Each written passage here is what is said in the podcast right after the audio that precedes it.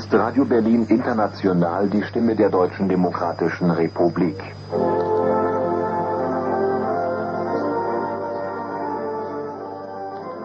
Þú ert að hlusta á útsendara ástarinnar, Helga Novak, Ísland, Östutískaland og Stasi. Þetta er fyrsti þáttur, Íslandingar í alþýðulíðveldinu.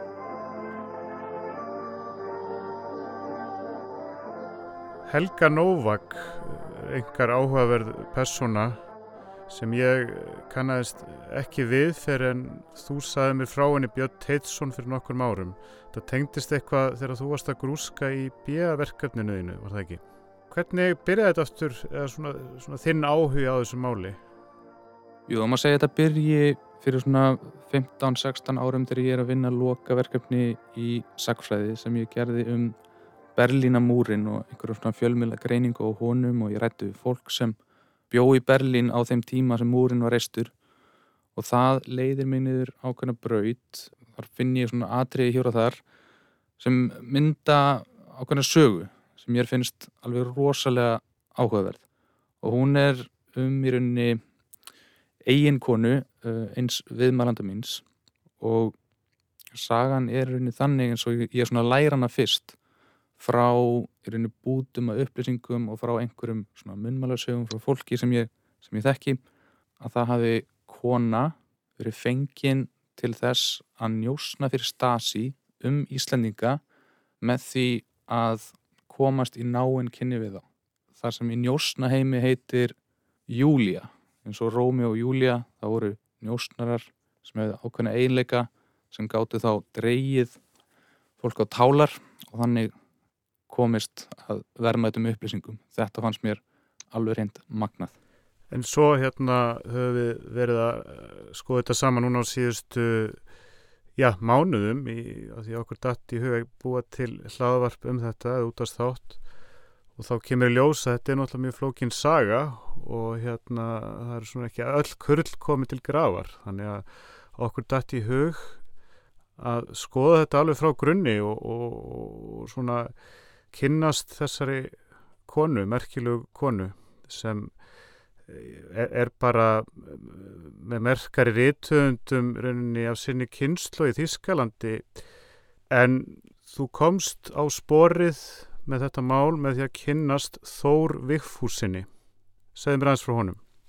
Eh, Þór var einn viðmælda minna í hérna, lokaverkanu mínu í, í Saksfræði og við áttum þarna saman eftir miðdegi á því herrans árið 2007 og Þór var bara mjög skarpur og hreinskilinn og skemmtilegur viðmælandi. Hann hafði stundanám í Östu Þísklandi á sjötta áratunum og hann fluttist heim til Íslands 1961 eða svona um haustið þegar einmitt múrin var að veruleika í ágúst hann að 61. Hann verður þýskukennari, hann var tíma borgarfulltrúi og, og síðan skólemestar FSU. Hann var spíður og hann var leiðsögumæður og frægur fyrir að segja draugasögur og, og, hérna, og, og finnarsögur frá sínu lífi. Þannig að ég til mig bara að vera mjög heppin að hafa verið hana með honum og hann segir mér sögur frá Östu Þísklandi fólk átt að vera í svona seminar hópum og ebla sína sósilisku vitund og allt fyrst árið fór ég að lesa Mars og Lenin segir mér frá þessu umhverfi eins og það var hvernig fækkaði alltaf í bekknum hans og skólafélagur hans að bara flúið framið glæp sem hétt Republikflúkt en hann lést hana 2013 og svo er ég mitt að lesa bara minningagreinarnar og, og er þá líka eitthvað aðeins að grúska á tímaritt.is og svo les og þá fyrir þessi saga aðeins að, að smetla þetta er svona persónlega saga Þórs og þetta er persónlega saga vina hans og ástina og svo samtvinnast þetta allt við alþjóðastjórnmál í kaldastriðinu og, og þetta er svona ógnarvald og, og þessar dularfullu austur þýsku öryggislauruglu Stasi stasi með að vera bara svona að færa einhvern veginn svona roll eða, út og þá byrjar að myndast þessi saga um Helgur Novak og hún er sögheitjan okkar.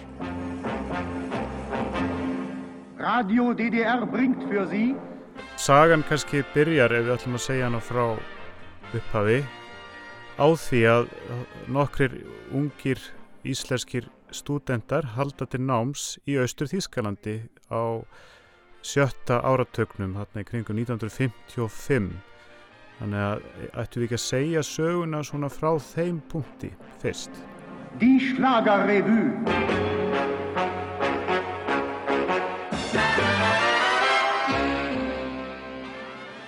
Akkurat, við ætlum að byrja nákvæmlega þar, við ætlum að byrja um miðan sjötta áratug síðust aldar. Og við ætlum að byrja á Íslandi. Já, kaupa konan hans gísli gröf. Er glettin og hýr á brá. Hver bóndasón þar á bæjunum. Er brennand af ástar þrá Að sveitin í háspennu hlera Það er alveg sérstaklega eftirtekstavert hvað íhjald hefur haft hægt um sig á þessu þingi. Þó það eins vegar hafi borið fram frumvörp í þingbyrju sem þýttu minkaða tekjur og aukkin útgjöld, ríkisjóðs upp á 4-5 miljónir og þó að það bregði sér á teysingsbrett í lífsgruminu hérna í útvarpinu núna. Í sagfræðinni lærðu við náttúrulega um Einar Olgeirsson og Sósialistaflokkin um miðja öldina síðustu og náttúrulega um þá frekar mörgu Íslendinga sem fóru í nám til austantjálslandana með að við höfðatölu. Og þá heyrði maður nú kannski aðeins að því að einhverja leini þjónustur hafi verið að njóstna um þá. En maður kannski vissi ekki alveg um umfangið. Og uh, í austu Þísklandi var stað sem er náttúrulega ótrúlega umfangsmikla starfsemi sem beindist að borgur landsins og einnig útlendingum og þessum íslensku námspönum. Það er svona áhugavert þegar að Ísland fléttast inn í svona. Maður er náttúrulega að sé bíómyndir og lesi bækur um stasi en þetta er svona uh, Íslendingar og þessi dölafulla unga austuðíska kona blandist svona inn í þetta. Ich bin ganz normal. Mir wackelt kein Kontakt. Doch wenn mich ein Mädchen ansieht, spreche ich abgehackt. Ich spreche sonst 100 Silben in 20,10 Sekunden, doch mit einmal bleibt mein Sprachschatz stehen, denn wenn Sie mich so ansehen. Við Helgi hefum verið vinir í mörg ár og allavega í áratug höfum við skrifað reglulega fyrir veftímaritið Lemúrin og okkur þykir einstaklega gaman að krúska í alls konar hlutum, sérstaklega hlutum sem hafa eitthvað svona óútskýranlega svalt yfirbræð, eitthvað sem hefur yfir sér dulúð, rocktónlist, fólk sem fór svona eigin leiðir. Helgi er búsettur í Portugal og þegar hugmyndin að þessu var til, að þessu verkefni, að þessu hlaðvarpi, þá kom eiginlega ekkert annað til greina en að ég myndi reyna að plata hann til að vera með.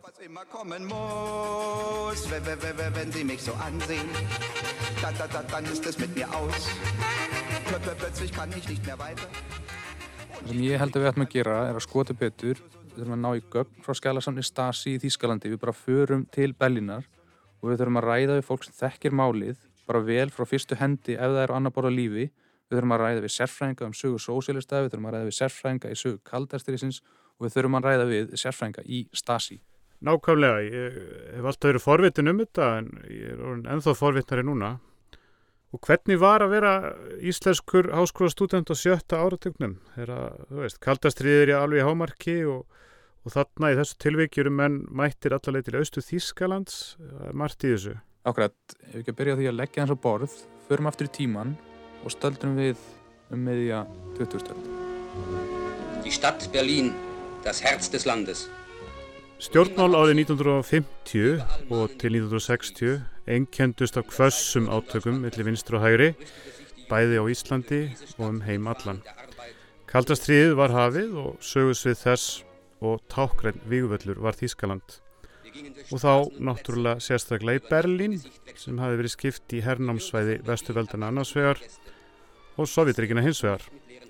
Og þarna tókust á hugmyndafræðilegar stefnur kapitalismans og sósialismans. Þískalands spurningin. Hvað átt að gera við Þískaland eftir síðari heimstyröld? Þetta var grunnstef kaldastriðsins. Þegar sambandslífveldið, vestu Þískaland, er stopnað um vorið 1949, verist því óumflíjanlegt að alþýðu líðveldið sé stopnað um haustið sem leppríki Sovjetríkina. Þar verður sósélistaflokkurinn, eða saminningarflokkur sósélista, einráður og þar á að mynda fyrirmyndaríki sósélista. Bjart síni ríkt um það fyrstu árin. Þetta var Þískaland, tæknivætt land með mikinn mannauð, landið sem þjóðverðarnir Marx og Engels höfðu séð fyrir sér sem ríki kommunismans. Á Íslandi voru þetta líka hörð átök, svona hugmyndafræðilega allavega og fólk átta sig kannski ekki á því í dag en sósélista flokkurinn var bara ansi stór svona þannig síð, var að fá fylgi upp á 15 til 20% í kostningum og var um 1953. stærsti flokkur landsins. Flokkurinn stendur á grunni alþjóðleira kenninga í kommunisma og leiðdói flokksins átti í nánum tengslum við aðra sóséliska leiðdó út í heimi. Þeir eru þarna á Moskvu línunni, Einar Olgersson, Brynjóli Bjarnason, Kristine Andrisson og fleiri áhrifamenn í flokknum og eh, Einar og hinn er þeir læra í Þískalandi þarna á millistrís áránum og þeir kynnast svona þessum stærstu gaurum þarna á þeim tíma sem verða síðar leiðtóar og svona áhrifamenn í austu eh, Þískalandi. Einar eh, hafði sjálfur lært í Þískalandi og Kristina Andresson til dæmis og hafðu tengsl eh, inn í Mersega kommunastoflokk Þýskalands áður en hann var bannaður 33. Einar Olgesson og Kristina Andresson til dæmis hafðu ég minnst góðst í sótt fundi, ég heldur að hennilega verið félagar í eh, kommunastoflokki Þýskalands Nú SED, eh, valdaflokkur Austu Þýskalands, er artaki kommunastoflokksins og eh, einar er að hitta í Östur Berlin og víðar í, í Östur Þískalandi fólk sem hann kannadist við uh, úr gamla flokknum. Þetta er Ánni Snævar, reytöndur og upplýsingafulltrúi saminuði þjóðana sem skrifaði árið 1992 bókina Liðismenn Moskvu á samt vali yngjumyndasinni. Liðismenn Moskvu fjallar um samskipti ístendinga við Sovjetrikinn og Östurblokkina og þar á meðalauðita um námsmennina sem lærði í Östu Þísklandi. Árni og Valur miðluðu ímsum upplýsingum sem hefðu ekki verið almennu vitorði áður því að skjálasöfn fyrrum kommunistaríkjana voru þá að opnast. Samkvæmt árna höfðu sambönd sem Einar Olgersson aflæði sér á námsamum sínum í Þýskalandi á þriðja og fjórða áratugnum mikið að segja um það að Íslandingar komust til náms í austur Þýskalandi. Vinstir sinnaðir háskólanemar fengu jæfnvel bóð til að nema í háskólum í austur Þýskalandi og fleiri stöðum það er náttúrulega opnað fyrir erlenda stúdenda eða, eh, já, með skoðast að gefast tækifæri til þess að koma erlendin stúdendum til námsi í Östu Þískalandi svona upp úr um meðjan sjötta áratug, 20 startar og einar sér þarna möguleika á að koma aðbörra námsmönnum. Það var töluvert mikið aðbörra námsmönnum sem að aðheldist uh, þessa stefnu og koma þeim til náms og uh, ríkin sem að í þessu tillu við Östuðískuland sem er sett á stopn og það, það er svona að fara að skjóta einhverjum rótum og, uh, og það er orðið ljóst að, að þetta ríki vil fá einhverja viðurkenningu. Það er eina ástæði fyrir því að þeir uh, vafalust að, að þeir sjá sér hagi að fá, fá til dæmis námsmenn frá, frá Vesturlöndum til þess að, að stuðla að því um síður að fá viðurkenningu. En það sem kannski stendur upp úr í mínum huga er annars vegar að það er verið að búa til úrvalsveit, uh, hvort sem það hefnaðist eða ekki, það er aukaðatriðin, og hins vegar að Einar Olgesson og kannski Kristinn Andersson líka töldu möguleika á að vinna einhvers konar germanskum sósialisma braut. Og þá auðvitað í því samingi að það var náttúrulega gríðarlega mikil þjóðurnis higgja á Íslandi sem sósálstaflokkurna sjálfsögðu notfæði sér. Sko menningar og mentatengsl í kaldastriðinu voru alveg ótrúlega stór flokkur. Rósa Magnúsdóttir, professor í Sakfræði við Háskóri Íslands, er sérfræðingur í sögu kaldastriðsins. Og þar á meðal voru einmitt þessi námsmannaskipti eða ungmannaskipti síðar meir. Þetta er aðalega fókus á námsmenn svona framanaf. Markmiðið er sem sagt það að fá fleiri einstaklinga til þess að kynnast aðstæðum í þessum ríkjum ef við erum að horfa til Östublokkarinnar og, og til Sovjetríkjana og þessi ungmenni komist í skóla og fái þá mentun og oft er, er flokkurinn heima á Íslandi að huga að eitthvað svona pólitískri mentun og að þarna séu væntanlegir þáttakendur í pólitísku starfi flokkana heima við en einnig eru gistilöndin, löndin þar sem þetta fólk fer í nám eh, hafa mikið áhuga á því að sagt, innræta þessu fólki stefnu kommunismans og vonast til þess að þeir einstaklingar sem eru sendir uh, muni sjá jákvæðar hliðar á þessum samfélögum og muni þá þegar að heimir komið vera góðir sendifulltrúar í því skinni að halda upp í áraðri fyrir þessi lönd og þetta hefst í rauninni sko tæplega tíu árum eftir lók síðari heimstrialdar Arnur Hannibalsson og Arni Bergmann sem fór til Sáðuríkjanar 1954 eru í rauninni með allra fyrstu vestrænu námsmennunum sem fara austrabóin sem er mjög áhugavert því það sýnir að Íslandingar eru í mjög sterkum og nánum tengslum við Sáðuríkmenn í, í því tilfelli og, og ég held að þar hafi skipt miklu máli þessi persónlegu tengsl eins og Einars Olgessonar og Kristins E. Andrissonar að þeir hafi verið komnir út þetta, þetta snemma og já, þetta var auðvitað líka vopni í kalda stríðinu bandargjömmen voru ekkert minna í því að senda uh, eða koma á svona námsmanna tengslum og uh, gerðu það fyrr en sovjetmenn fullbreytt prógramið er einn eitt besta dæmið um það. Þannig sósælista flokkurinn hefur það margmið að senda út efnilega menn og treystir því að þeir komi aftur innblásnir af sósæliskum anda Íslandi og sósilisma til heilla. En þá spyrir maður sér líka hvað það var nákvæmlega sem var heillandi við að fara til austur Þýskalands og kannski bara heillandi við sósilisman á þessum tíma. Það sem hreyfi mig og, væntanlega félaga mína, ég getur ekki, ekki tala fyrir neitt annan en mig, en, en, en þessi sko, hugsun að nú veru vísindin sko, komin svona langt að þau var ekki bara að, að, að hérna, búa til flugvélar og ekki bara að búa til kjarnangusprengjur heldur bara komin í samfélagið. Þetta væri ekkert mál lengur, sko, nú verður bara vísindur komin í þetta og, og nú verður bara málinn leist vísindarlega. Þetta er Þór Vigfússon í viðtali í heimildamindinni í nafni Sósialismans frá árunni 1995 eftir þá Otna Snævar og Val Ingemyndarsson. Og ég tala nú ekki um það þegar þessu tengist svo fallega hugsun að það væri bara menn í þessu út í heimi og bara hamast í þessu með góðum, allgóðum árangri. Þannig að þetta er aðlegandi fyrir ungan mann sem telur sig geta telur að, að lausnir á vandamálum heimsins finnist svona stjótt og svona einfalt. Svo má ekki gleyma því að það ríkti ákveðin bjart síni meðal sósélista á þessum tíma almennt. Sérstaklega sko þegar Krúsjóf er komin til valda um að þarna muni einhvern veginn uh, rætast úr eftir strísárun hefur þetta verið alveg ræðilega erfið og austurþjóðverðir eru á sömu línu og sovjetmenn um það að núna sé verið að byggja upp þessi eins og þau voru kölluð líðveldisríki fólksins. Þannig að staða Íslands er mjög áhugaverð að það hafi verið svona margir sem að fóru og, og þetta snemma.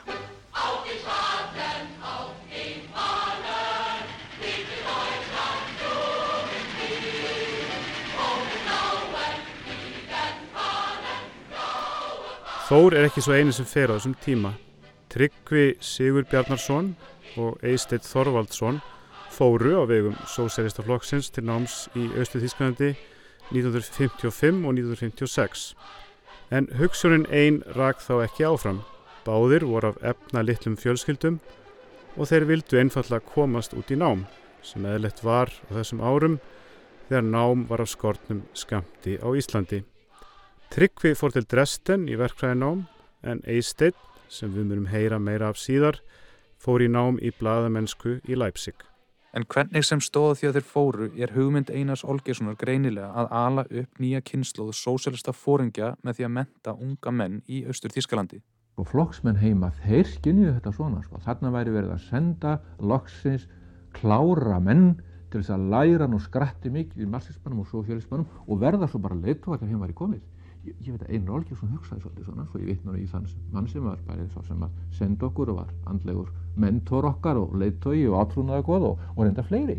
Ég, ég veit þetta sko, þetta hefur komið fram í samtunum með mig. Og ég heyrði reyndar hjá Einar sko, andaldi þarna er vengja loksins almennilega massista ekki þessa massista sem hefur að læra á Vesturlöndum og það sem ekki almennilega massismi væri. Og þótt að hljómi svo að þessi piltar hafi verið undir álægi miðan við þær vendingar sem til þeirra voru gerðar það má ekki gleyma því heldur að þetta eru ungi menn og þeir eru frá Íslandi.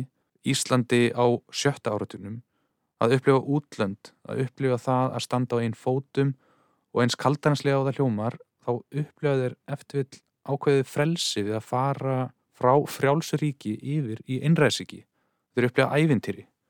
Eða það er allavega það er þeim finnst svona fyrstum sinn Við skulum ekki heldur gleyma því að vissulega var samið um að þessi menn færi út og vissulega þá taldi Einar Olgísson að þarna væri verið að menta uh, úrvalsveit og í mitt menta á það sem væri verið að framkama sosialisman. En á hinbógin þá skulum við ekki gleyma því að það voru ekki námslána sem tíma maður skrifaði ekki bara umsókn og senda hann upp í lánasjóð og svo fekk maður einhverja peninga á, á mánuðu þegar maður var í námi og þetta átti við hvort heldur sem varst að læra lögfræð í Íslandi eða bókmyndir í Svítjóð eða bladamennsku í, í, í, í Leipzig. Þannig að þetta er mikilvægt að hafa í huga að þessi menn er ekki af auðu fólki og það, þeir hefur kannski aldrei fengið háskólamöndun. Ég held að enginn þeirra uh, sjáu eftir í beinleins að það farið út. Þetta voru ævindir, ég minna. Menn voru ekkert að fara til tenni, menn voru ekki að fara eins og til kaupmanahafna nema einrum á sinnum. Þegar maður hlustar á það og, og les það sem er skrifiðu, kemur í ljós að fyrst voru þeir mjög bjart sínur og spendir fyrir þessu nýja lífi í Östu Þískanandi.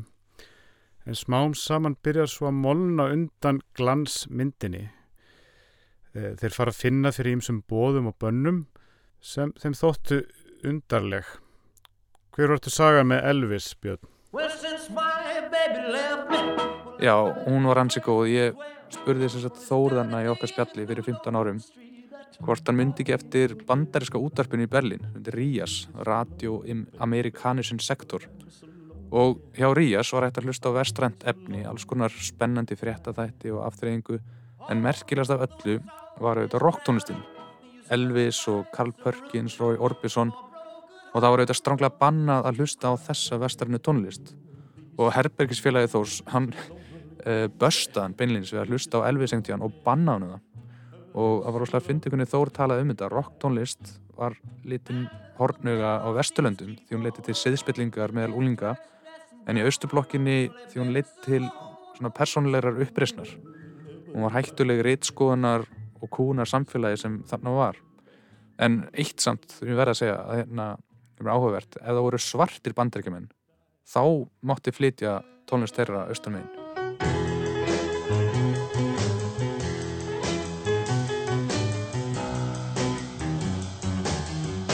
I found my thrill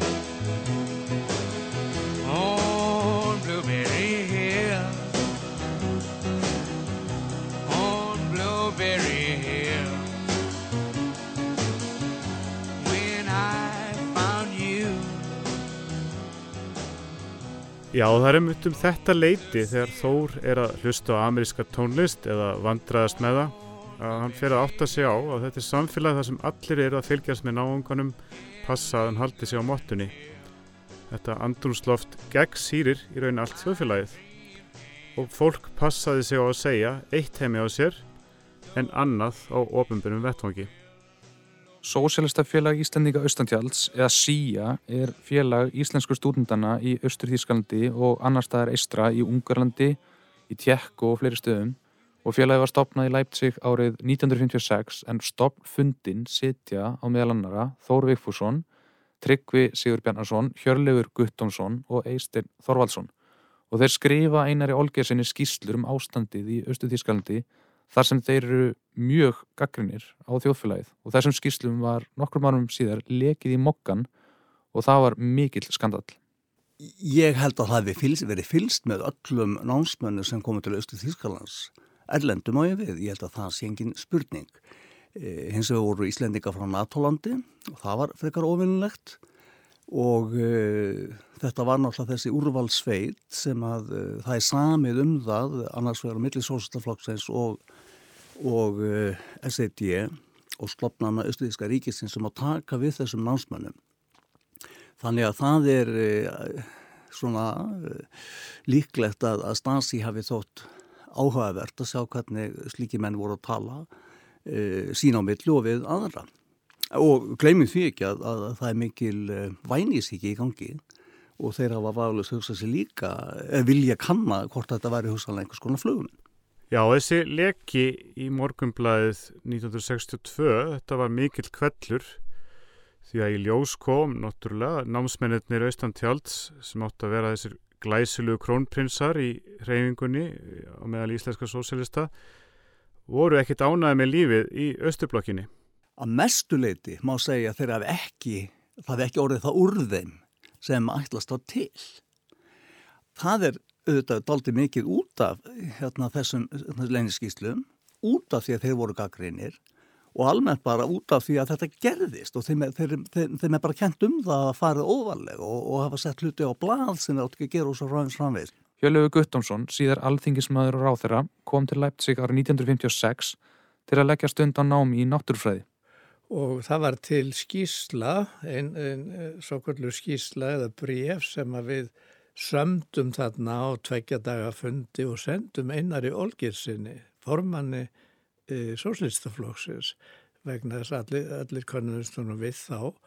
Og tílefni var að, að, að, að greina frá okkar upplifun og Östu Þýskalandi með okkar augum á þessum tíma og eftir að heimdallur stál uh, pappirónum frá skúla Magnúsinni, eftir að hafa komið heim frá Peking, sá, indæli maður, að þá, þá uh, og morgumblaði fór að byrta þessi, þessi hugverk okkar, þá hétt að varandi þessa, þetta, þetta sem var til þaðum í áslokkin 57 skíslunar sem Einar Olgesson heimtaðirðu brendar eins og sagði í fyrirsögnaldi í morgunblæðinu. Því að við vorum náttúrulega, við vorum að, að taka þarna á okkar sín til mála og eins og sem að okkur kom spánst fyrir sjónir og okkur fannst ekki kannski alveg passa uh, pólitísk séð við, við, okkar hugmyndir og þess áttar. Við vorum ekkert hissa því að breytta því svo setna að einar hefur orðið svolítið ekki, ekki alveg kátur við að fá þessa lesningu. Og það sem kom náttúrulega svona líka spánst fyrir sjónir var að, að, að það var svona ekki, ekki opið ferðafrelsi á milli hérna svo kalluðu sósilísku ríkja þarna. Það með gáti og fengið og það, það skánaði kannski þegar fráleið eitthvað að með fengu vísum og gátu ferðast en það var ekki, það var ekki opið samgangur þannig. Og, og það var þetta var það svo að, að, að mótelið eða, eða stjórnarformið ofinbera þannig að það var fjölflokka uh, stjórn og inn á einu svo kallað á, á þingi voru allavega ekki verið inn fimm eða sjö, sjö ja, fimm allavega flokkar með mismunandi nöfnum alveg í, í kristilega en þeir hafðu sára lítið að segja held á mótun stjórnmálan og það var svona þessi tiltölu einokun uh, uh, í, í uh, tólkun mála af hálfu sem, sem einskorðaðist eða var ráðandi af hálfu SED eða Sósialistisja Einhatspartað á Ísland eins og, og flokkurinn með stórum staf kallaðist. Af síaskíslunum að dæma er ljósta ástandi varð skrítnara og skrítnara og lokum var valla umvilst, verið var að fylgjast með Íslendingunum eða í öllu falli var verið að reyna það. Einn mitt og kaltæfinslega segja þeir í einni síaskíslunni að þeir vilji helst sem minnst segja um leinunrögluna en þegar þarna komið við sögur þegar verið að fylgjast með þeim. En ég get kannski sagt þér inn að sögu. Þetta er Tryggvi Sigurbjörnarsson í samtali við Jón Ólásson í Kastljósi árið 1991. Að það ekki verið á 1956 eða svo. Það byggum við tveir í Herbygji, góðu, góðu, góðu vinni minn og, og fjölaði og hann eitt kvöldi þá þá situr hann og er eitthvað, eitthvað, eitthvað að vandræðast og er, er, er svona allir á yði og klóra sér í hausnum og naga blíjandin og svona eins og hann sé að semja einhver erfið að ræðu eitthvað svona og ég segi hann, hvað, hvað, er að þér? Sko þetta er stressaður í dag, hvað, hvað er að? Og hann þegir fyrst en segir svo, ég skal bara segja eins og er, ég á að semja um þig greinagjörð um þína hegðan og þína framistöðu og ég er mestu vandraði með það, segir hann. Svo ég segi, hafðu ekki á að gera þessu, þetta skal ég gera fyrir þig og svo samti ég stísluna um sjálfa mig. Og ekki bara þessa heldur nokkra fleiri.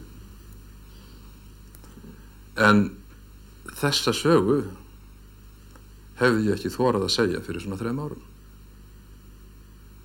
Því að það hefði aldrei geta komið sér illa fyrir hann. Ekki síst þegar að það fór svo fyrir þessum vinnum mínum. Að strax að lokna á mig þá gekk hann í þjónustu stasi og ég heyrði aldrei frá honum orð hóstan í stöðun eftir það. Þessi saga tryggva er mögnuð en það er auðvitað að ímynda sér að svona upplifun verði til þess að ungu námsmennir missi trúna á austur Þýskalandi sem einhvers konar fyrirmyndaríki þóttir hafi um leið ekki haft neina trú á kapitalisma sem er ráðandi afli. Þetta sagði Þór Vigfússon árið 1995.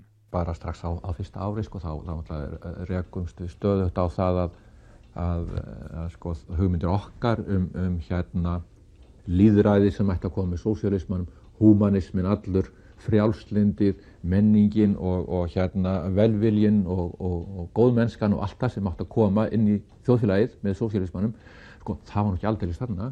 Sko vel að merkja Sko, við vorum auðvitað alveg harðir á því að kapitalismi væri búinn sem hagkerfi, sko. Hann væri bara á beina, hann væri bara, sko, það væri búið að smíða kistuna, sko, hann væri bara að fara honni og, það væri ekkert engin löst fyrir mannkynni annað en sósialismi, sko, við vorum alveg harðir á því. Víkjum þá aðeins sögun að Eistinni Þorvaldsinni. Hann hafði flust til Leipzig til að leggja stund og námi í bladamennsku en hann flutti þangað ári og eftir tryggva. Eistinn hafði fyrst og fremst hugað á að flytja til útlanda en ekkit endilega til austurblokkarinnar og vera þar kommunisti. En hann vissi að í austur Þýskalandi var hægt að fá styrk. Og það henda honum vel en það var hann efna lítill um 24 ára gamal þegar út var farið. En ekki leið á löngu unn Stasi fór að hafa áhuga á eistinni. Leipzig, 31. ágúst 1956. Þorvaldsson, Eisteinn. Fættur 23. júni 1932 í Hafnarfyrði, Íslendingur, einhleipur, nemi, bladamenska. Hefur búið í Leipzig S3, Tikkerstrasse 2, síðan í februar 1956. Útlendingastofnunin í Leipzig hefur engar upplýsingar um foreldra hans.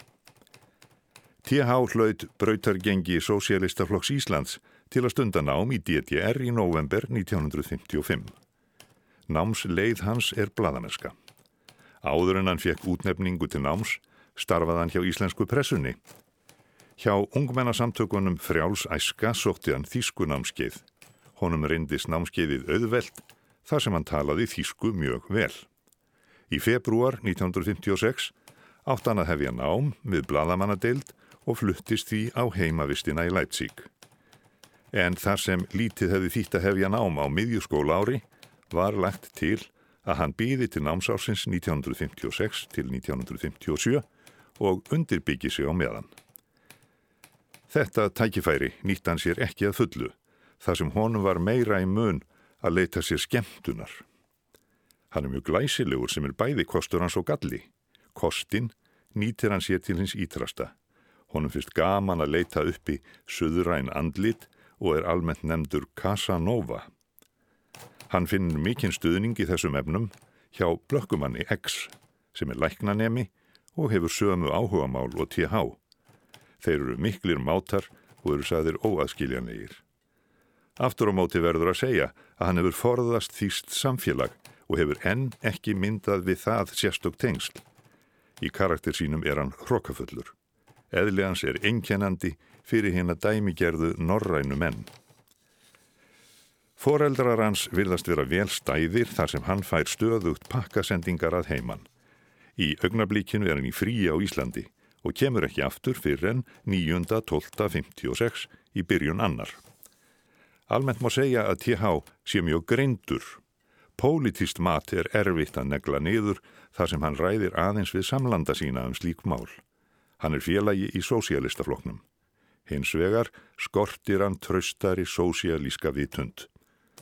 Undirritað Vilmer, undirfóringi, Holtz, yfirfóringi. Þannig Stasi þá þegar búið að leggja mat á personleika og atferðli Eisteins. Hann er samt bara búin að vera þarna í hálft ár í Leipzig. Þetta er greinilega mjög svona spennandi maður, gáðar og glæsilegur. Já, segðum það bara, hann var, hann var sjóð heitur. Já, einmitt, maður reynilega kiknar í njánum.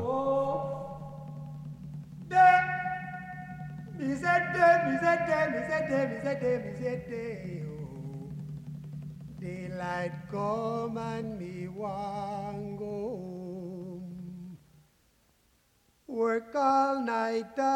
drink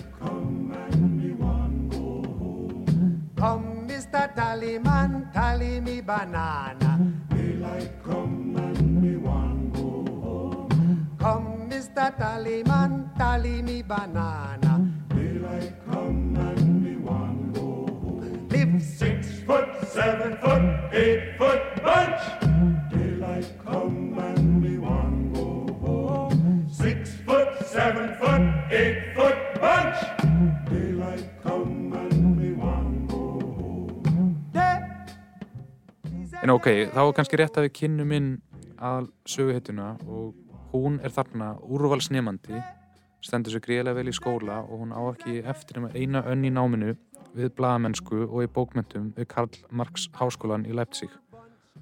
Og við ætlum að drepa niður í æfisögu hennar á örlaðaríku vorkvöldi á háskóla djammi árið 1957.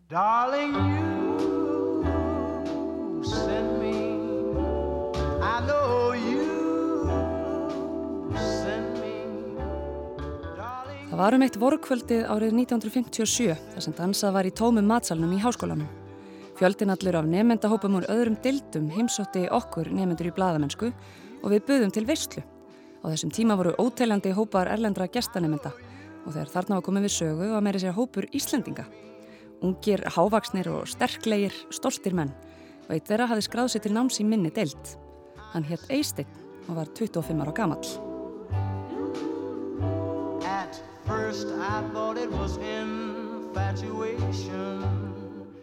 Danskólufið var pakkað, þar var diskuterað og drukkið. Þar stendi ég með Wolfgang einhver staðar þegar eitt samstúdentinn trublar okkur. Hann benti á ljósara nefnda á danskólufinu og sagði, serðu þennan? Hann er nýr hérna og kemur frá Íslandi. Ég átt að spyrja þig hvort þú vildir dansa við hann. Ég sagði að hann yrði að koma sjálfur, en ég hafði vart sleppt þeim orðunum af vörunum eins og ég var komin út á gólf þar sem við dönsuðum stíft. Ég held fyrst að hann talaði ekki þísku, þar sem hann held sér til hljés og sagði ekki mikið. En hann, með sínar ljósu, augabrýr og sætu freknur, talaði fullkomlega. Ég hafði aldrei séð svona mann, sem var svona afslappaður en um leið teinréttur og glæsilegur. Hann bókstæðlega lifti mér allir upp.